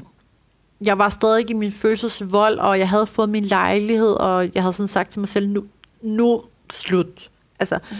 nu, nu bliver jeg simpelthen nødt til at tage den smerte, det koster mig nu, Mm. og så må jeg tage en dag i gangen. Ja. Fordi der er ikke nogen omvej i det her, der er ikke nogen smuthuller, der er ikke noget udenom. Der er kun én vej, Mm. og det er Igennem. at komme igennem det. Og du udskyder processen, hvis du ikke... Altså, Mm. fordi tingene ændrer sig ikke. Nej. Øhm, Men forhåbningen bliver ved med at være der, og det er måske også den, man skal leve med, at sådan, ja, der er hele tiden den indre stemme, der siger, men, men hvis, nu, hvis nu bare lige, ja. så... så Jamen, den vil altid være den der. vil Den være er- der, men den er ikke, den, den, Den er ikke jeg, skal lov- ikke, jeg skal ikke høre på den. Nej. Ja. Og den er også stadig i mig. Altså, mm. trust me, hvis jeg kunne få lov til at drømme frit, så min største drøm ville jo være, at han fik et wake-up call, mm. smed alt, hvad der hed narko på hylden, og han kunne holde den for resten af livet, og han brugte sine fantastiske evner til at skabe øh, forretning, eller gøre det, han er mega dygtig til, og vi sammen bare blev millionærer og rejse verden rundt, og alt det her. Selvfølgelig, jeg vil elske det, fordi det, jeg har havde med den mand, og det, jeg kunne gøre med den mand, er for mig unikt, Mm. og troen på at få en mand, der ligesom kan erstatte det der, den er sådan Den er der uvir- ikke. Nej. uvirkelig. Øhm, fordi det er jo stadig det, jeg havde med ham, og vores natte i køkkenet, og vores netter, og vores hygge, og vores ture, og de ting, jeg gjorde med ham. Når han ikke var på kog. Ja, når han ikke var på kog, det er jo, Mm. jeg, jeg savner det jo inderligt. Ja. Og det er også et savn, man skal lære at leve med, men som tiden går, for hver dag, der går, så bliver det en lille tand bedre, ikke? Mm. En lille tand bedre. Og så nogle gange, så kommer der lige mavepuster. Og så må du lige give dig tid til at være med den mavepuster. Mhm. Og To er det- skridt frem, et tilbage. Ja. To skridt frem, et tilbage. Og det er jo så forskelligt fra person til person, hvor lang tid den proces er. Men den proces, den er der. Mm-hmm. Og der er også noget på den anden side. Og der ligger altså noget, der er... Man ser livet på en anden måde. Man mm. oplever tingene på en anden måde. Man er taknemmelig på en anden måde. Du er virkelig sådan... Dit liv er noget andet, når du kommer ud på den anden mm. side, når du har så voldsom en oplevelse med dig. Altså så meget som en lille bitte, bitte ting, bare det der med, at jeg, jeg kunne lægge mig til at sove om aftenen trygt. Mm. Det var bare sådan, jeg er så lykkelig. Altså tak, mm, fordi jeg kan det. Altså jeg var så dybt taknemmelig for, at nu kunne jeg gå ind og lukke min dør. Og det her, mm. det var mit sted. Jeg kunne bo her trygt. Der er ikke nogen, der kan komme og smide mine ting på gaden. Jo, hvis jeg ikke betaler min husleje selvfølgelig. Ja. Men, men det var mit at være taknemmelig for noget, så, som mange bare tager. Forgivet, ja. ja. Det har virkelig bare gjort mig lykkelig. Mm. Fordi det er det der med at have sin base og have sit hjem det er alfa og omega for mig, at mm. bare kunne sove trygt, være trygt, og have noget at komme hjem til med sikkerhed, og kunne gå derfra med sikkerhed. Mm. Og det er jo nok, fordi jeg har boet så ustabilt og usikkert, ikke? Ja, ja. Men har oplevet det modsatte. Ja. Men hvad, altså, der, der kom en dag, var det efter, lige efter det her med at være på hospitalet, eller skete det først noget tid efter, at du kom og hentede dine ting? Det skete først et år efter. Okay. Måske for, og der, er vi så der har så været mange gange, hvor der har været den der sådan, nu, nu skal jeg væk. Ja. Jeg kan ikke mere. Jeg ja. skal ikke være her mere. Den har været der og så har han lige kunne få flettet dig ind, eller hvad hedder det? Altså de sidste par måneder, der kunne jeg godt mærke fra min side, at jeg blev nødt til at opretholde en eller anden form for skuespil, for at kunne holde mig af gode venner med ham, holde mig i en relation med ham, så meget som muligt, så jeg kunne komme væk fra mine ting. Og jeg, til sidst så gik jeg og skal jeg bare skrive for det hele. Mm. Altså, men jeg havde også, jeg vil gerne have mine ting med. Jeg vil gerne have så meget af mine ting med som muligt. Jeg fik heller ikke alt med. Jeg måtte virkelig... Ja, du måtte være... Jeg, jeg må virkelig efterlade meget, ikke? Prioritere, ja. hvad der skulle med. Men, men der, der, var, der troede han, altså han vidste ikke noget der. Nej, men, altså jo, vi har jo sagt, jeg skrider for, at jeg skal ikke have noget med at gøre. Og det er mm-hmm. ting, du siger i et on and off forhold, hvor du sådan får nok. Ja, ja. Men jeg har også vidst, hvad der skulle til for, at, at vi så kunne ende med at være sammen igen. Øhm, og det har han jo også vidst, så det har været, vi har været lige gode om det der med at aflæse ja, ja, hinandens signaler og hinandens og åbninger. Og, og nogle gange havde jeg jo brug for at vrede ud og sige nogle ting, og sådan, du ved, du har ingen chance her igen, agtigt, ikke? Og mm-hmm. det mhm. samme havde han jo også brug for, også for at kunne mærke på mig, sådan, okay, hvor meget vil hun mig nu, for eksempel. Mm-hmm. Så det der med, at man skubber hendes partner væk, er også lige så meget et behov for at se, okay, hvor meget vil de så have mig? Mm-hmm. Altså, så så det er et spil. Det er det. Det er virkelig ja. et spil, og du er hele tiden med på at aflæse din mm. partners signaler, og hvad det er, du sender ud. Jeg var meget bevidst om, hvad det var, jeg sendte ud, og hvad, hvad han sendte ud, og hvordan jeg så skulle håndtere eller takle det alt efter, mm-hmm. om jeg bare havde brug for, at han skulle lade mig være en aften, eller om jeg gerne ville hjem. Ja. Øhm, og mit tilflugtssted var jo mit studie, ikke? så det brugte jeg en lang periode, så tog jeg derud og sov. Okay. Eller jeg sov i bilen, eller det har jeg også gjort mange gange. Ikke? Okay. Og så, og så de sidste par måneder, der, der, der vidste du godt, at nu er det sådan, nu er det, nu. Nu er det actually altså, Ja, for jeg uh, kunne over. mærke på min krop, at den kunne ikke mere. Nej. Jeg, jeg kunne ikke mere. Jeg var så tæt på at bare give op på mig selv. For jeg, gik, jeg begyndte at køre og have tanker om, jeg vil ikke være her mere. Mm. Altså selvmordstanker øh, kan jo komme i vidt forskellige mm. grader. Og når jeg begynder op i mit hoved at sige, jeg har ikke lyst til at være her mere, få mig væk herfra. Og min krop var så udkørt, og jeg havde så sorte render under øjnene. Og så uroligt, og altså, jeg kunne slet ikke, når jeg kiggede mig selv i spejlet, det var som om, jeg bare så et godt menneske, der mm. bare var... Sådan tom skal, eller, fuldstændig. Altså, ikke noget, du kunne genkende i hvert fald. Og jeg kunne slet ikke genkende mig selv, og jeg var sådan, hvad er det egentlig, jeg hedder? Mm-hmm. Hvor er det egentlig, jeg kommer fra? Hvem er jeg egentlig? Altså, det var mm-hmm. virkelig sådan, hvad er det, der sker? Hvorfor er jeg her? Altså, det var sådan virkelig sådan, jeg, piger, der har været i det, forstår det, men folk, der ikke har været i det, har nok lidt svært ved at se ind i det. Mm. Men du mister virkelig dig selv. Du er en skygge af dig selv, for du mm. aner ikke, hvem du selv er længere. Altså, du er decideret bogstaveligt talt plukket mm. i tusind stykker, og når du går derfra, så skal du til at samle dig op stykke for stykke igen. Bygge op igen, ja. ja. Og det er altså en virkelig, virkelig lang, sej proces, og skal begynde at erkende over for dig selv, nu er det slut. Uh-huh. Og jeg må ikke gå tilbage og tage det ansvar over for dig selv og sige, lige meget hvad, kan du ikke gå tilbage nu. Uh-huh. Og selvom jeg var flyttet i min lejlighed, var jeg enormt hård ved mig selv. Du skal ikke være sammen med ham mere. Nu slutter kræftet mig aldrig ham igen. Altså, men det gav også bagslag, fordi så når han stod der lige pludselig, så mm. faldt jeg jo i, og så holdt det måske et par dage, og så skrid igen, ikke? Øhm, og hvordan han også har ligget og hulket, og sådan, jeg gør det aldrig mere, og du ved, undskyld, undskyld, undskyld, og jeg ved mm. godt, at jeg har fået misbrug, og du er den eneste, der kan hjælpe mig, agtigt, ikke? Jeg, er det også noget med at sige, at jeg, jeg tager aldrig stoffer igen? Ja, eller? Okay. ja, ja. Han, han har lovet gulde og grønne skove, mm. og virkelig sådan, hvor tyk på, at jamen, han ville isolere sig i min lejlighed for at blive stoffri. Okay. Hvis han bare kunne få lov til at være der, så skulle han nok. Mm-hmm. Og han ligger ud for min dør. En masse tomme løfter. Ja, virkelig. Øhm. Og sådan her, så ændrede han jo karakter.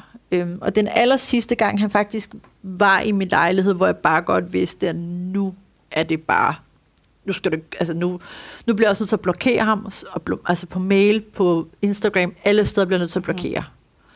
Mm. Øhm, og der begyndte jeg også at gå til politiet. Øhm, og det altså gjorde, begyndte at være noget stalking -agtigt. Ja. ja. Øhm, den aller, aller sidste aften var den, eller sidste dag, der havde vi stået op, han har sovet der. Jeg havde faktisk øh, givet ham et blowjob om morgenen. Mm-hmm.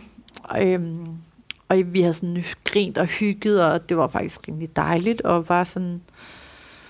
Og han spørger så, hvad jeg skal løbet af dagen, og jeg ved, det er torsdag, han skal hjem og have sin søn. Og øh, jeg siger til ham, jeg vil gerne lave noget content, jeg vil gerne lige filme noget make-up video, jeg vil gerne lige, du ved, lave noget dansevideo, jeg vil gerne lige lave noget indhold til mine sociale medier, jeg vil gerne vokse, jeg vil gerne noget her. Og han ved jo godt, hvor jeg gerne vil hen af med mit liv, og hvad jeg gerne ville skabe.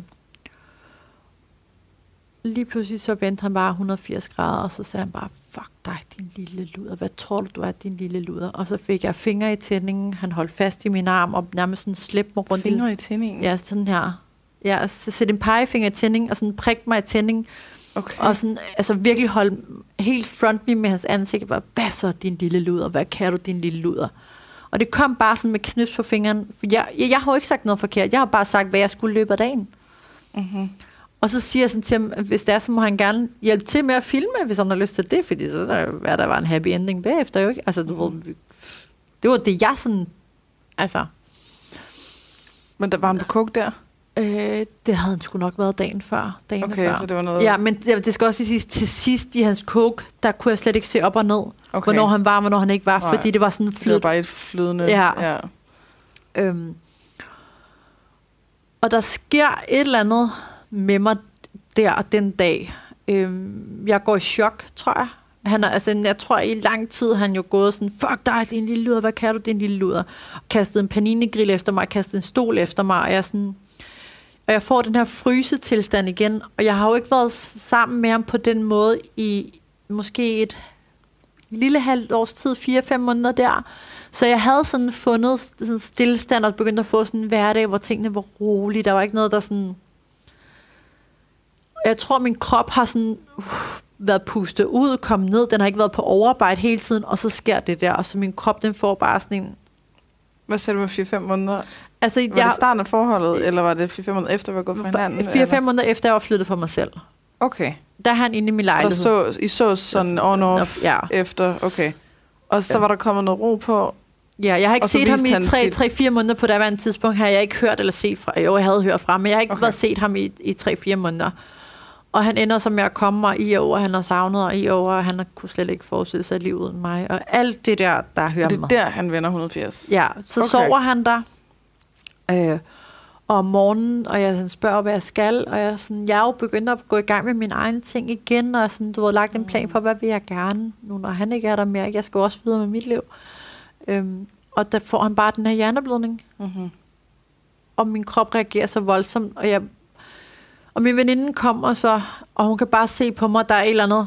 Den er helt gal. Den er helt mm. gal. Og, øh, og i samtalen med psykiater, der mener de sådan lidt, det, det er der, min PTSD faktisk bliver udløst. Ja. I det moment ja. der. Men også, at jeg faktisk...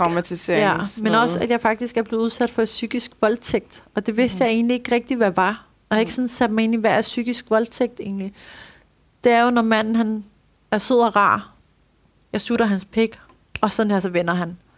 Mm-hmm. Øhm, og jeg tror også, det, Det har er jeg derfor. aldrig hørt om psykisk voldtægt. Nå. Nej. Ja.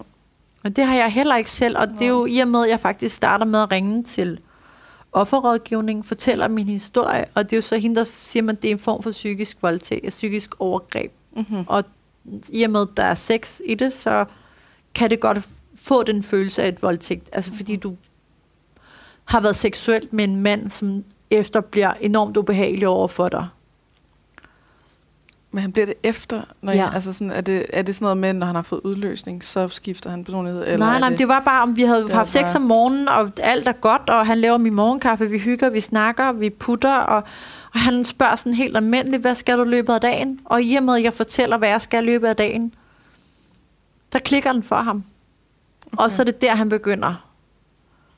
Okay, Og- så det er ikke sexen i sig selv, der gjorde nej, noget? nej, det var, nej, nej. Altså, Men jeg havde, jeg følte mig han, enormt... bliver, han bliver trigget af Ja. noget, du siger, Ja. fordi at så er du pludselig uh, selvstændig kvinde, der, uh, der ikke har brug for ham, og Ja. så skal han have dig ned med nakken igen. Jeg ved ikke, hvad hans behov har været, men Nej. han har i hvert fald ikke kunne håndtere min måde at ville være kvinde på, eller min måde at ville udvikle mig mm. på. Eller jeg ved ikke, om han har følt sig provokeret af, at jeg spørger om hans hjælp, eller... Men det... Eller bare, at han er misundelig på, at du ligesom kan komme videre, han ikke kan. Altså, Ja. du har gang i dine ting. Ja, jeg var Eller meget et hurtig. Altså, jeg, det har været meget vigtigt for mig at få gang i mine ting, men, mm. Mm-hmm. men den dag, da det sker, og det sker faktisk den 1. april sidste år, Okay. Øhm, og der må jeg bare, altså nu, nu kan jeg ikke mere, altså nu, nu skal han ikke ind i min lejlighed mere, og han skal ikke komme her mere overhovedet. Mm. Øh, og han maler lidt en gang imellem med nogle billeder og noget, og så maler han lidt igen, og sådan, du ved, han skifter i humør, ikke? Jeg svarer ham ikke. Indtil for indtil marts i år, hvor jeg får en mail fra ham, hvor han skriver, at han har tænkt meget på mig, og om vi godt kunne snakke sammen om alt det, der har været sket. Og lige der, der står jeg sådan lidt et sårbart sted, men jeg står også et sted, hvor jeg sådan tænker, "Pff, skal jeg med med kigge dig i øjnene og fortælle dig, hvor stor en idiot du har været. Jeg er videre. Jeg har ikke noget til overs for dig. Mm-hmm. Troede du? Troede jeg. Mm. Øhm, og jeg vælger at tage over og snakke med ham. Det er så et halvt år siden. Ja, det er så et halvt år siden nu. ja. Øhm, og der er ingen, der ved det. altså, det er virkelig kun min nærmeste, der ved det. Jeg har ikke engang delt noget nogen steder overhovedet. Eller sådan. Jeg har ikke været så glad for at snakke om det, fordi det er sådan... Jeg føler mig dum, hvordan kunne du lukke en mand ind i dit liv igen, som har gjort det her. Men det var heller ikke det, jeg ville, da det var, at jeg så vælger at svare på den mail, selvom jeg ikke har svaret på Du tænkte, du ville sætte nogle grænser Så og jeg, ligesom har, det, så jeg har brug for at se ham i øjnene, altså få en closure på det her. Mm. Og sige, nu, jeg er over dig. Nu er jeg videre. Jeg har det godt. Har du det godt? Jeg ønsker dig det bedste. Bye bye, bitch. Altså. Mhm. Øhm, men i det moment, jeg ser ham, Mm. mister jeg forstanden, hvis man kan sige det sådan. Der går ikke meget mere end 10 sekunder, så løfter han mig op, kysser og krammer mig, og siger, at jeg kunne bare ikke lade være. Mhm. Og jeg blev sådan, holy shit, hvad fanden skete der lige her, ikke? Det var ikke det, der var en del af planen. Altså ikke Nej. min plan, vel? Nej. Øhm, og jeg er sådan, nej, nej, nej, Nina, men åh, for det er også bare dejligt at se ham. Nej, nej, Nina. Altså, jeg er virkelig Mm, i den her konflikt i med hovedet. mig selv. Ambivalens. Ja, Mm.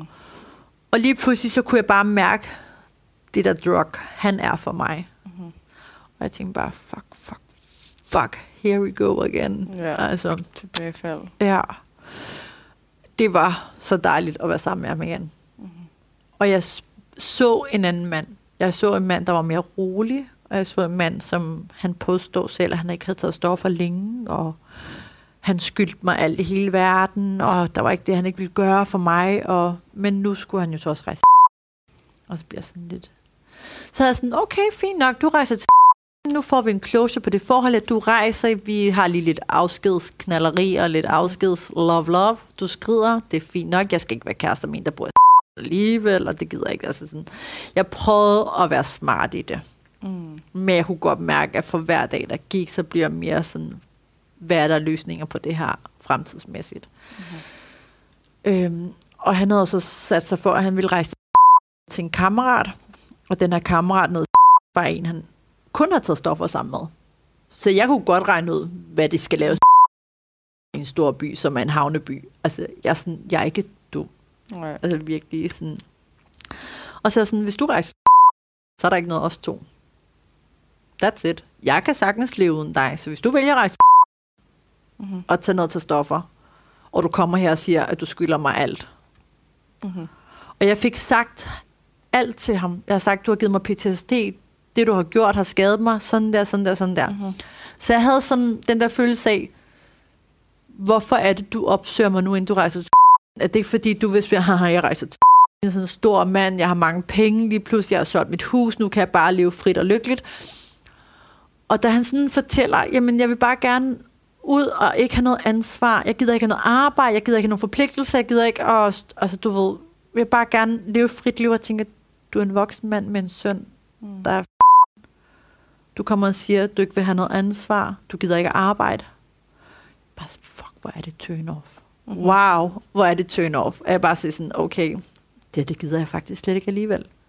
Og i det øjeblik, jeg sådan får den, at det her, det gider jeg faktisk slet ikke alligevel. Og jeg var sådan helt afklaret med det. Mhm. Det havde jeg også brug for, tror jeg. Så selvom det var rigtig, rigtig skidt for mig at være sammen med ham igen, men alt det, der er sket efterfølgende, har bare gjort, at jeg har sluppet, fordi jeg har virkelig set, hvad jeg ikke vil være sammen med. Altså, jeg vil ham jo ikke. Det Nej. han giver, og det han... En mand, der ikke kan finde ud af at stoppe om morgenen. En mand, der tager stoffer og lyver om det. Og en mand, der vil rejse for at leve et ungkaleliv, du skulle have gjort efter folkeskolen. Mhm. Og lige pludselig komme og sige, åh, jeg er blevet ung far som året. Bare sådan tør øjnene og tage en kiks. Altså, Mhm. seriously. Du kan ikke tillade dig at sige, at du ikke gider arbejde. Mm. For du er arbejdsdygtig, så du skal arbejde. Mm. Hvad for noget arbejde du vælger at lave? I don't care, om du vil være selvstændig, eller om du vil whatever. Du kan ikke bare... Altså, jeg, jeg, jeg, var sådan helt mundlam over hans, hans syn og hans holdninger til, til livet lige der, hvor jeg bare tænkte, hvor er du uschammerende, Mhm. Og hvor er du egentlig bare et nederen menneske. Okay. Og det var sådan en, ikke en rar følelse, det var det jo ikke, men det var sådan rart for mig selv at komme til det her med, at jeg ikke lige pludselig skulle stå et sted med en mand, jeg var smaskvælsket i, og ikke kunne sige fra igen. Okay. Så du fik faktisk den sådan closure ud af det? Du havde Ja, det tror jeg faktisk, okay. jeg gjorde. Eller jo, det, det ved jeg, jeg gjorde. Et, jeg blev rigtig ked af det, fordi vi begyndte at have sex, og jeg kunne godt mærke, at følelserne kom frem igen, men jeg kunne også bare godt se de kvaliteter og de, den måde, jeg gerne vil leve mit liv på, kunne bare slet ikke harmonere med den måde, han vil leve sit liv på. Okay. Og jeg havde det sådan, hvis du vælger at skride til og efterlade den kæreste, du siger, du skylder alt, og du elsker, og der er ikke nogen, der kan nå mig til sokkeholderne, og du har prøvet lidt af hvert, men du jeg er den eneste, du tænker på, bla bla bla. Mhm.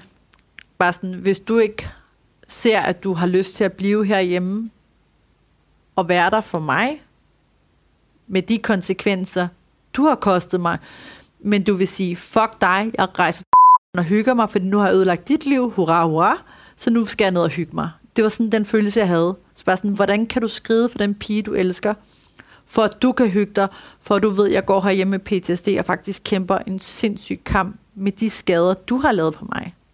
Du ville hellere have en blæ, så I kunne være Nej, kærester? nej, nej, det vil jeg jo ikke. Men det var sådan det, jeg sagde til ham, du er jo helt væk oven i hovedet. Så jeg, sagde, jeg er ligeglad, om du bliver hjemme i Danmark, eller om du rejser til Mhm. Vi to skal ikke have noget med hinanden at gøre. Okay. Du har kostet mig alt for meget. Og bare det, du siger, at du vil rejse og tror, at vi kan lege kærester. Han ville jo gerne have, at vi skulle være kærester igen. Og han kunne rejse Så du skulle tage med ned og besøge ham? Ja, jeg kunne rejse okay. ned til besøge ham, og så kunne han jo rejse hjem til Danmark en gang imellem, og så kunne han jo have sine ting stående hos mig, for han havde opsagt sin lejlighed, så kunne sofaen jo komme hjem til mig og stå, og Mm. bare sådan, Nej. bare nej. Mm. Egentlig ikke, fordi hvis du ikke engang kan tage ansvar for de ting, du har gjort mig, Mm. altså erkende det. Det er fint nok, du siger, at du skylder mig alt, og du er dybt ulykkelig over den idiot, du har været, men når du ikke engang kan erkende din fejl, og tage ansvar for det. Mm. Altså, seriøst, jeg ville jo også, hvis jeg havde, det er jo nok bare mig, der siger sådan på det, men hvis jeg havde været skyldig, og du brækket dit ben, Mm. så ville jeg ikke bare vende ryggen og gå, så vil jeg tage det ansvar, og så vil jeg være der til den hjælp, jeg overhovedet kan være, til det ligesom, Mm. til du er på benene igen, ikke? Giver det mening? Ja.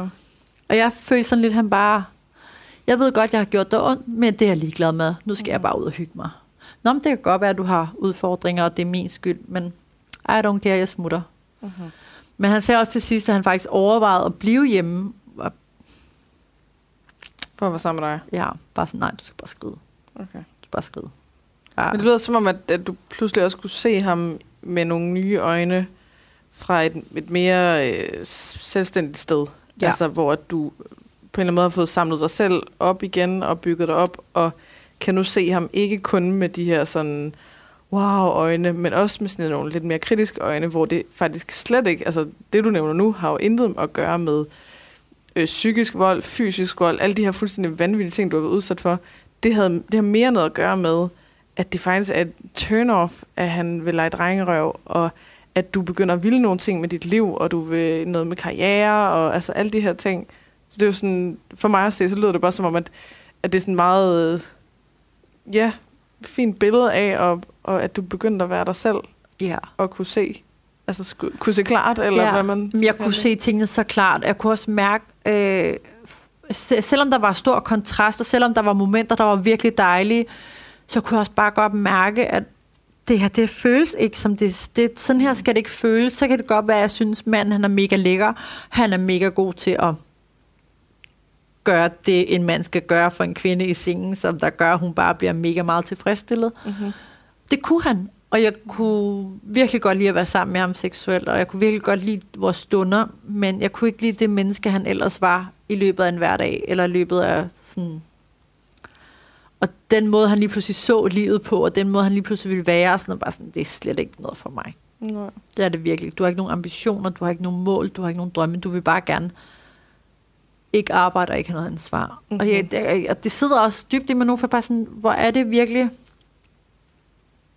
Hvor vil jeg bare gerne have en mand, der er målrettet, der er har Som har drive. Ja, og som Ja. ja. forpligter sig til sine ting og tager ansvar for sit shit og tør indrømme, at han har fejlet, og man kan snakke moden og voksen om Mm. det, og man ligesom kan have en fornuftig dialog. Det, og det kan den mand ikke. Nej. Så, et- det, så jo, det var Nice. måske meget godt, at jeg lige var sammen med ham igen, men det kostede os lige lidt, ikke? Ja. Det gjorde det. Men jeg vil sige, at han mand, han, øh, jeg har jo hele tiden sagt, at du bliver nødt til at betale for en ny næse. Mm-hmm. Øhm, og i, lige den der halvanden måned, vi var sammen, der var han meget ivrig for at vi hjælpe og støtte, og det skal han nok betale, det skulle han nok give, og det skulle jeg slet ikke tænke på, og bla, bla, bla. Så han nåede der lige at skyde 25.000 efter mig til udbetaling til en anden bil. Og bare sådan, det er da min næse, der er der. Tak. Så jeg føler også lidt, at jeg har fået det, han skylder mig. Okay. Det er jo Så sygt det er nok. Ja, jeg har sådan, du ved, tak. Ja, det lå jeg lige har lavet de der fem år, men her, du, du får en ny næse. Så. Ja. Jamen, jeg, havde sådan, ved, du har, jeg har betalt 30.000 for at få en næse førhen. Han ødelægger den, nu skal jeg jo brede min næse igen. Det synes jeg jo lidt er hans ansvar. Mm-hmm. Altså, det er ham, der skylder. Det er ham, der har ødelagt min næse. Det er ham, der skylder mig en ny næse. Og i og med, han jo så har, har hoslet op med, eller ikke hoslet op, men han har, han har betalt nogle penge til noget. Hvor jeg tænkte, nu har jeg fået mine penge, så lige om det går til næse, eller til bil, Ja, ja. eller hvad fanden det er. Jeg har fået noget af det, og jeg er bare sådan, fuck dig. Mm-hmm. Karma is a bitch. Altså, jeg har intet til overs for den mand i dag. Altså, jeg har intet respekt for ham. Også i og med, jeg faktisk, og det er virkelig, virkelig uschammerende. Jeg, jeg er begyndt at snakke med hans, nogle af de mennesker, han har omgås med hen førhen, nogle af hans gamle kammerater. Og han har bare fået et virkelig dårligt ry, mm. og han er blevet så upopulær. Han er den mand, der har bollet med sin kammerats damer, eksdamer. Mm. Og det kan jeg slet ikke forholde mig til. Altså, jeg, jeg er sådan en kæreste, skal jeg jo ikke have. Nej. Altså, jeg vil ikke have en kæreste, der er den type, eller der har det på sig, for jeg synes, det er mega uschammerende. Jeg synes, Mm. det er mega nederen. Og så endnu mere flot for ham, hvor det jo sådan set være, at han rejser til og rejser ned til en kammerat, som ender med at give ham en kæmpe røvfuld. Nå. Okay. jeg var sådan, du får, hvad du giver. Altså, Mm. du har givet mig røvfuld, nu har du fået en røvfuld af en anden. Så. Du ligger, som du har ret, Marker. Mm-hmm. Ja. Vi skal til at slutte af. Ja. Vi er faktisk gået lidt meget over tid. Men, øh, ja. Ja. Men det, er- der er så meget at fortælle, og det er så Ja. spændende. Og, ja. Ja. Altså, hvis jeg bare hurtigt her til sidst må sige, at det der med, at når man skal gå fra en fyr, og man hele tiden sådan prøver og prøver og prøver, Altså, Mm. man, man, man prøver, til man ikke kan prøve mere. Men jeg bliver også nødt til at sige, at der er ikke nogen anden vej, end at gå igennem. Mm. Der er kun én vej, og det er at gå igennem. Og det tror man bliver nødt til at sige til sig selv, det her, det kommer til at gøre ondt. Mm-hmm. Og det her, det kommer til at gøre fucking ondt. Og der er kun én ting at gøre, det er at tage en dag ad gangen. Ja. En dag i gangen, Ja. og sørg for, at der er nogen til at hjælpe. Ja. Altså, Altså, jeg altså kontakt for et krisecenter, eller en veninde, eller en mor, Ja. eller whatever. snak med så man nogen ikke om sidder det. alene med det. Ja. Ja. Og så begynde virkelig at dyrke selvkærlighed. Mm. Altså Mm. forstå kunsten i selvkærlighed, hvor fantastisk det kan blive til dig selv under det her forløb, når du dyrker selvkærlighed. Og selvkærlighed kan være på mange måder, men det er Mm. virkelig at begynde at forstå, hvordan er jeg selvkærlig over for mig selv. Mm. Og begynde at dyrke det, fordi det er ligesom den mest skånsomme vej ud af det. Selvom jeg ikke Ja. synes, det, det er jo ikke rart at være i. Og jeg kan sige, nu er der næsten gået to år, og for første gang i lige siden kan jeg sidde her og sige, at jeg kan ikke mærke det mere. Det gør ikke ondt mere. Mm. Jeg har ikke kærestesorg længere. Nå. Og det er nu, jeg sådan skal begynde at leve mit liv igen. Ikke? Og det er nu, jeg begynder at kigge på fyre igen. Og det er nu, Mhm. jeg sådan... Mås- måske et meget godt tegn, eller sådan. Jamen, det er det. er Det, er- det er super igennem, godt eller- tegn. Og mine Ja. omgivelser og mine venner er jo enormt tæt med mig og den her proces, jeg har været i, og vi har brugt rigtig meget tid på sådan at snakke processen igennem. Mm. Hvor er jeg nu i forhold til for en måned siden? Mm. Og de har været rigtig gode til at, at gøre mig opmærksom på mine små skridt, mm-hmm. hvor de sådan har bemærket, ej Nina, prøv lige at se der. Stop, stop. Sagde du lige, han var flot, Mhm. ham der? Mm-hmm. Altså det første gang, jeg sagde, at jeg synes, der var en fyr, der så godt ud. Mine veninder var ved at falde bagover. Ikke bare sådan, sagde du virkelig det? Mm-hmm. Og nu er det bare blevet sådan en ting at gøre, ikke? Jeg er bare sådan, prøv at se, han er godt ud, ham der. Det er en proces, og det er en... Jeg fejrer hver en lille sejr, der er i det. Ja. Altså jeg tænker, når du på et eller andet tidspunkt begynder at kunne slette beskeder igen, altså ja. Det er også sådan en, yes, jeg slettede fandme en besked. Det har jeg været ja. Så bange for i så mange år. Ja. Eller altså første gang du sov en, en hel nattesøvn, eller alle de der ting. Altså Ja. fejre hvert et skridt, så man ikke ligesom... Jamen, også det er noget virkelig at at være bevidst om de der små skridt, der sker i Mhm. den positive retning, ikke? Ja. Fordi det er sgu ikke sjovt, og det er, du bliver aldrig den samme igen. Nej.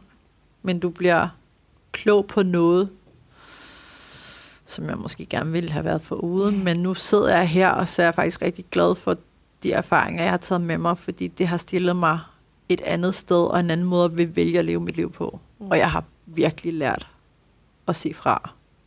Sig fra at sætte grænser. Ja. Ja, og det er både for veninder, øh, omgangskredse, forretning, altså virkelig Mm. lært at sige fra nu. Fedt. Ja. Og det er så vigtigt at sætte sine grænser t- klart og tydeligt. Mm-hmm. Og der er ikke noget, der er forkert, og der er ikke noget, der er... Når du skal fortælle om det Du forhold, du, ikke er i. forsvare og forklare. Nej, du bliver ikke nødt til at forsvare og forklare dig, fordi Nej. Det er et fucked up sted at være. Mm. Så Ja, jamen så kom vi igennem ja. Ja. historien om øh, din eks. ja, Ja. ja. Og øh, Håber, du har bare det godt. lige, Øh... I wish you well. Ja, ja, ja, lige præcis. øhm, skal vi bare lige sige, hvad du hedder på Instagram, hvis nu man øh, gerne lige vil følge lidt med? Øh, jeg hedder Love med to ord. L-O-O-V-E. Og så Nuna. N-U-N-A. Ja. Love Nuna. Love Nuna. Ja. Yes. Så det er jo bare lige til, hvis man... Der fortæller Ja. du også en gang imellem lidt. Ja, giv gerne noget feedback. Fortæl lidt, Mhm. hvad I synes om det her, om det er noget, der kan bruges. Ja. Ja. Jamen, øhm, så vil jeg bare sige uh, tusind tak, fordi at du kom igen og, Mm. øh, og fortalte videre. Det, øh, nu føles det meget mere som, altså fordi det, var, det føltes meget utilfredsstillende sidst. Sådan, Ja, det er jo som om, at "Ah, der... vi mangler. og nu, Ja, jeg føler jeg ved, også, at vi har mange flere ting, men, men men- den her, det var, sådan, det var den vigtige. Ja, det, det har været rigtig vigtigt for mig at fortælle den her historie, og fortælle mm. ting, der har været sket i det her forhold, som man ikke- bare ikke skal tillade i et forhold. Nej. Så.